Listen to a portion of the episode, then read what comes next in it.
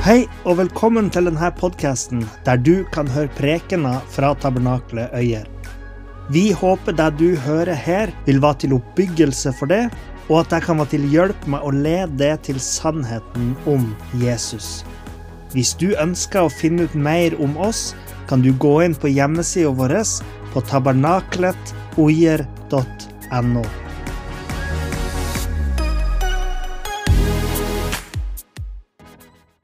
Har du noen gang eh, sett TV-programmet Luksusfellen?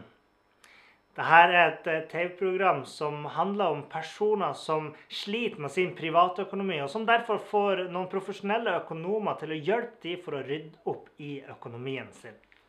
Og Et viktig moment i prosessen er at disse personene gir fullmakt til økonomene for at de skal ta kontroll over økonomien deres. Litt sånn er det med gudstroen òg. Økonomisk sett er vi dårlig stilt. Derfor stoler vi på Jesus Kristus og gir han fullmakt til å rydde opp i problemene våre. Dette krever fellesskap. Siden vi kommer til Jesus, legger fram problemene våre og ber han om å hjelpe oss. I troen ligger det altså at vi har fellesskap med Kristus. I Romerbrevet kapittel 6 vers 3-11 skriver Paulus om det her. Han sier at vi som ble døpt til Kristus Jesus, ble døpt til hans død. Vi har altså fellesskap med Kristus i hans død. Det vil si at Jesus døde i stedet for oss. Videre skriver Paulus at vi ble altså begravd med ham. Med andre ord, vårt tidligere liv, det livet vi hadde før troen, blir gravlagt sammen med Jesus, sånn at det gamle er borte. Så står det at vi på samme måte har del i Jesu oppstandelse. Som betyr at pga. vårt fellesskap med Jesus, og at vi har overlatt fullmakta til Han, så vil vi òg kunne stå opp til et nytt liv. Så i troen har vi fellesskap med Jesus i hans død, begravelse og oppstandelse. Ved å sette vår tillit til Jesus og det han gjorde for oss, knyttes vi sammen i en union med Jesus. Uten dette grunnleggende fellesskapet med Jesus kan vi ikke bli frelst. Derfor vil alltid Guds frelse innebære fellesskap. Når man blir frelst, blir man samtidig fylt med Den hellige ånd. Den hellige ånd er jo en av de tre personene i treenigheten som utgjør Gud. Og han ble sendt til oss sånn at vi kan ha fellesskap med Jesus og vår Far i himmelen gjennom Den hellige ånd. Jesus sa, og jeg vil be Far, og han skal gi dere en annen talsmann, for at han skal bli hos dere til evig tid. På den dagen skal dere kjenne at jeg er i min far, og dere i meg, og jeg i dere. Dette fellesskapet innebærer at vi kan ha konstant kontakt med Gud. Den hellige ånd hjelper oss når vi er svake, oppmuntrer oss, går i forbønn for oss, lærer oss opp i sannheten, veileder oss, gir oss åndelige gaver, fyller oss med Guds kraft og renser og helliggjør oss. Du kan si at Den hellige ånd er han som opprettholder livet som Jesus åpna døra til. Han er ikke bare en sånn abstrakt og upersonlig kraft, men han er den levende Gud som har kommet for å være nær oss. Så frelsen innebærer fellesskap med Den hellige ånd. Frelsen innebærer ikke bare fellesskap med Gud, men òg med andre troende. F.eks så er det noen hellige handlinger som alle troende må ta del i, nemlig dåpen og nattverden, som man rett og slett bare ikke kan gjøre alene, fordi de her er designa for fellesskap. Helt ifra kirka sin spede begynnelse i Jerusalem har kristne hatt fellesskap med hverandre. Det er nemlig i fellesskap at troa virkelig blomstrer.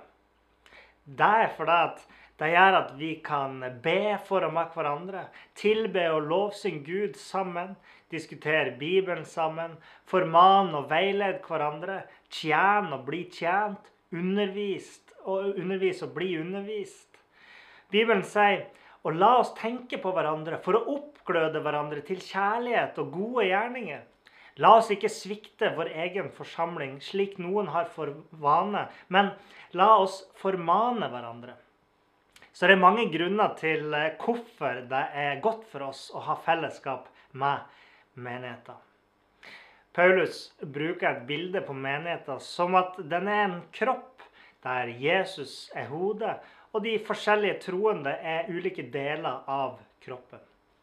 Altså, vi er knytta sammen med eh, et usynlig bånd gjennom vårt fellesskap med Jesus, fordi vi har del i Kristi døde oppstandelse, og ved at Den hellige ånd bor i oss. Men vi er òg avhengig av hverandre for å fungere som vi skal. Uten føtter kan vi ikke gå. Uten øynene kan vi ikke se. Og uten ørene kan vi ikke høre. Vi har forskjellige evner, og alle er en viktig del av fellesskapet. Derfor er vi avhengig av hverandre. For hvis Kristus er hodet, og vi er deler på hans kropp, så kan vi jo ikke være adskilt fra den kroppen. Kanskje du tenker at du ikke trenger noen andre. Men trenger du ikke fellesskap med den åndelige familien din? Trenger du ikke å elske dine brødre og søstre i Jesus? Og tenk på det her. Hva hvis noen av de trenger det? Din tro og dine gaver. Frelsen innebærer fellesskap med menigheter. Så ikke undervurder betydninga av menigheter, og heller ikke din betydning for menigheter. Forestill deg et sykehus der alle de ansatte bare har én rolle. Alle de ansatte er leger og gjør kun de oppgavene som leger ellers gjør på alle andre sykehus. Det er ingen sykepleiere, helsefagarbeidere, portører, renholdere eller ambulansearbeidere eller eh, labteknikere, vaktmestere eller kjøkkenpersonale. Hvordan hadde det vært? Vel, de ville i hvert fall hatt veldig høy medisinsk kompetanse. Det er i hvert fall sikkert. Men hadde sykehuset fungert? Nei. Sykehuset ville ha vært så godt som ubrukelig. Et sykehus er nemlig avhengig av at alle de ulike rollene er utfylt og representert. Litt på samme måte er menigheter avhengig av forskjellig åndelig kompetanse ved at man utrustes med åndelige nådegaver. Det er mulig at din kjennskap til sånne nådegaver eller åndsgaver er avhengig av hvilken menighet eller hvilket kirkesamfunn du har tilhørt. Fordi noen menigheter er ikke så opptatt av i hvert fall de mirakuløse eller overnaturlige nådegavene. Men Bibelen sier faktisk 'søk åndsgavene med iver', særlig det å tale profetisk. Og der står 'Slukk ikke ånden, forakt ikke profetord'. Det er snakk om gaver som profeti, tungetale, det å skjelne forskjellige åndsmakter, det å utføre helbredelser osv. Men jeg kommer ikke til å prøve å gi en komplett liste over alle de her nådegavene, eller å prøve å definere hva de er. Fordi poenget mitt her og nå er hovedsakelig at eh, vi kristne skal søke etter de her gavene. Og hvorfor er det så viktig, da?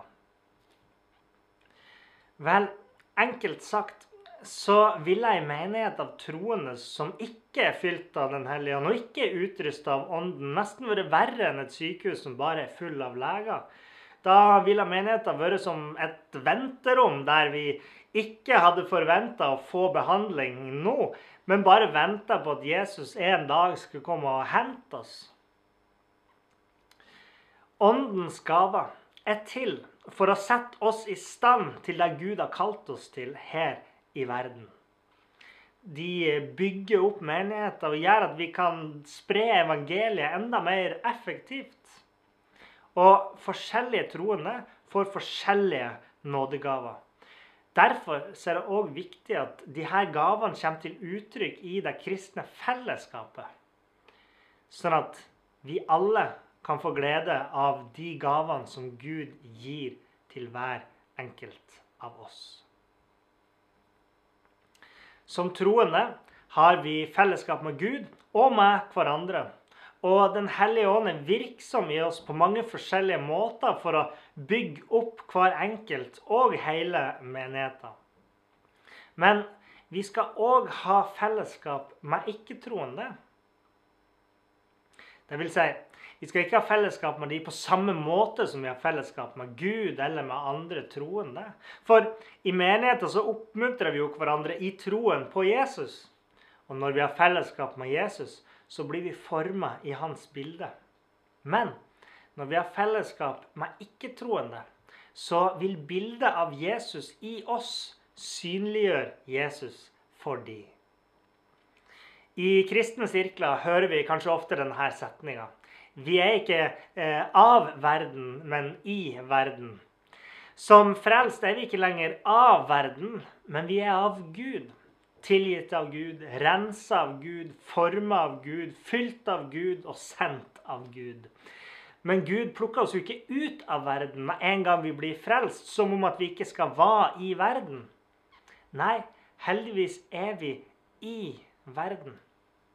For i stedet for å ta oss ut av verden, så har han fylt oss med Den hellige ånd for å leve midt i verden med ei hensikt.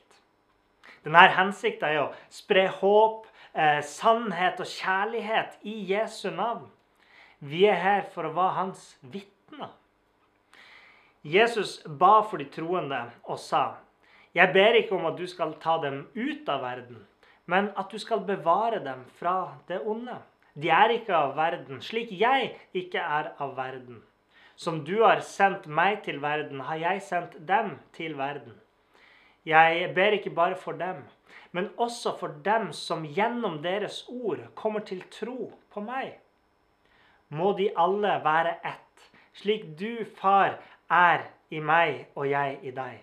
Slik skal også de være i oss, for at verden skal tro at du har sendt meg. Jesus ber om at våre ord skal føre til at enda flere mennesker kommer til tro på Han.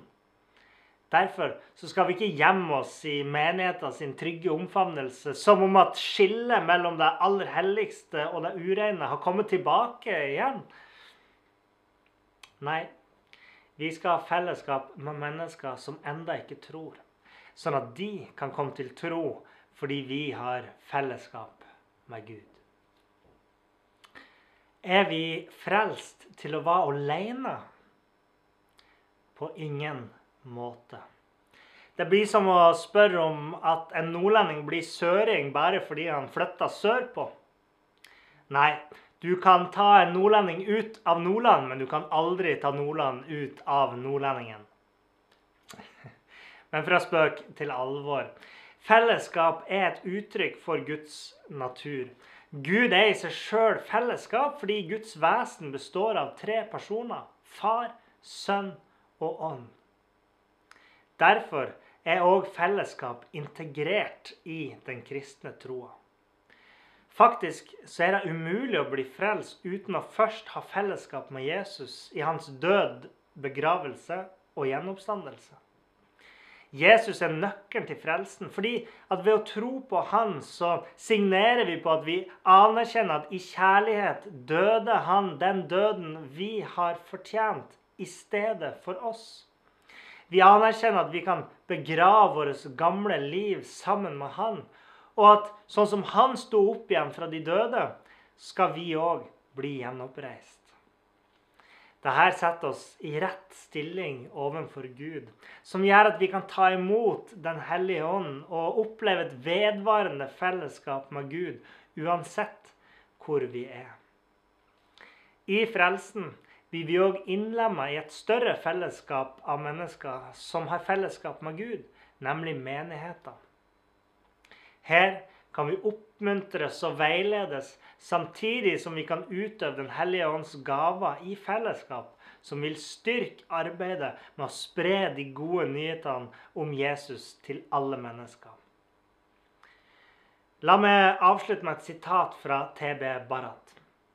Når alt kommer til alt, er alle troende født av den samme ånd, ved det samme ord, ved troen på den samme frelser, lever det samme troslivet i Guds sønn, har det samme hovedmål, er barn av den samme fader og er på vei til det samme hjem.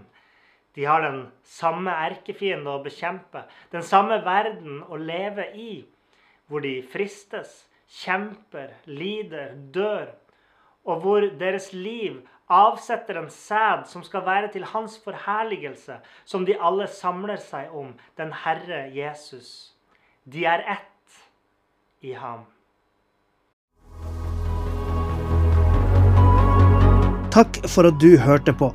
Hvis du tok et steg i tro i dag, eller du har noe du ønsker forbønn for, så vil vi gjerne høre fra det via e-postadressen kontakt alfakrølltabernakletoier.no.